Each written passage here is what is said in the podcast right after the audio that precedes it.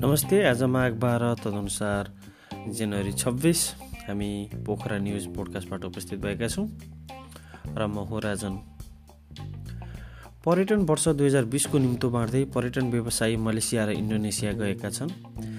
मलेसियाको Kuala Lumpur र इन्डोनेसियाको बालीमा नेपालको पर्यटन वर्ष प्रवर्धन गरिएको छ। टान पश्चिमाञ्चल क्षेत्रीय सङ्घ पोखराको आयोजना तथा नेपाल पर्यटन बोर्ड गण्डकी प्रदेश कार्यालयको सहयोगमा मलेसियाको क्वालालम्पुर इन्डोनेसियाको बालीमा नेपाल प्रमोसन तथा सेल्स मिसन कार्यक्रम गरी नेपाली गन्तव्यको व्यवसायले प्रवर्धन गरेका छन्।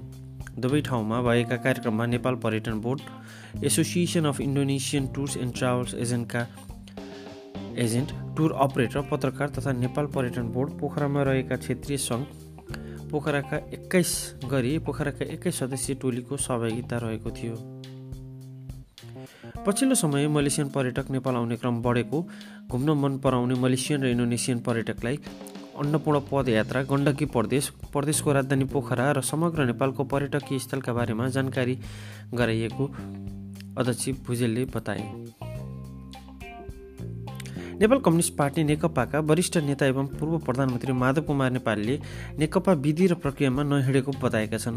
प्रेस सङ्गठन कास्की नेपाल कास्कीले शनिबार पोखरामा आयोजना गरेको पत्रकार सम्मेलनमा नेता नेपालले पार्टी विधानमा जे व्यवस्था गरिएको छ त्यसअनुसार पार्टी चल्न नसकेको बताए। उनले पार्टीले एक व्यक्ति एक प्रमुख कार्यकारी पदको व्यवस्था गरे पनि कार्यान्वयन हुन नसकेको बताए। विभागीय टिम नेपाल आर्मी र पश्चिमाञ्चलले रेडबुल ढोरपाटन सुजुकी महिला डबल लिग भलिबल प्रतियोगितामा सफलता हात पारेका छन्। आर्मीले चितवन टाइगर्स टाइग्रेसलाई पच्चिस एक्काइस पच्चिस अठार पच्चिस तेह्रको सोझो सेटमा हरायो भने अर्को खेलमा पश्चिमाञ्चलले ढोरपाटनलाई पच्चिस दस पच्चिस एघार र पच्चिस नौको सोझो सेटमा हरायो।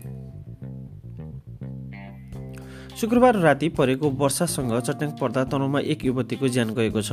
रिसिङ गाउँपालिका एक गाउँ शिवपुर सेटाङ घर भई रिसिङ गाउँपालिका दुई लामा सुवार स्थित माइत आएकी बिस वर्षीय मिनबहादुर थापाको चट्याङले ज्यान लिएको जिल्ला प्रहरी कार्यालय जनाएको छ। मोबाइल चार्ज गर्दै भिडियो हेर्ने क्रममा चट्याङ पर्दा घाइते भएकी मिनामायालाई उपचारको क्रममा निधन भएको हो।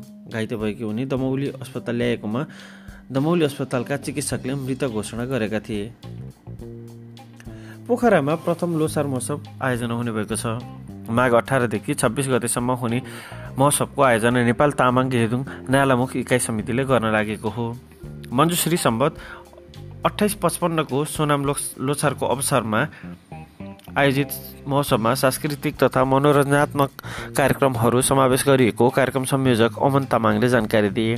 महोत्सवमा विभिन्न कलाकारहरूले सांस्कृतिक प्रस्तुति दिनेछन्। मौसममा खुल्ला एकल नृत्य प्रतियोगिता पनि हुने भएको छ।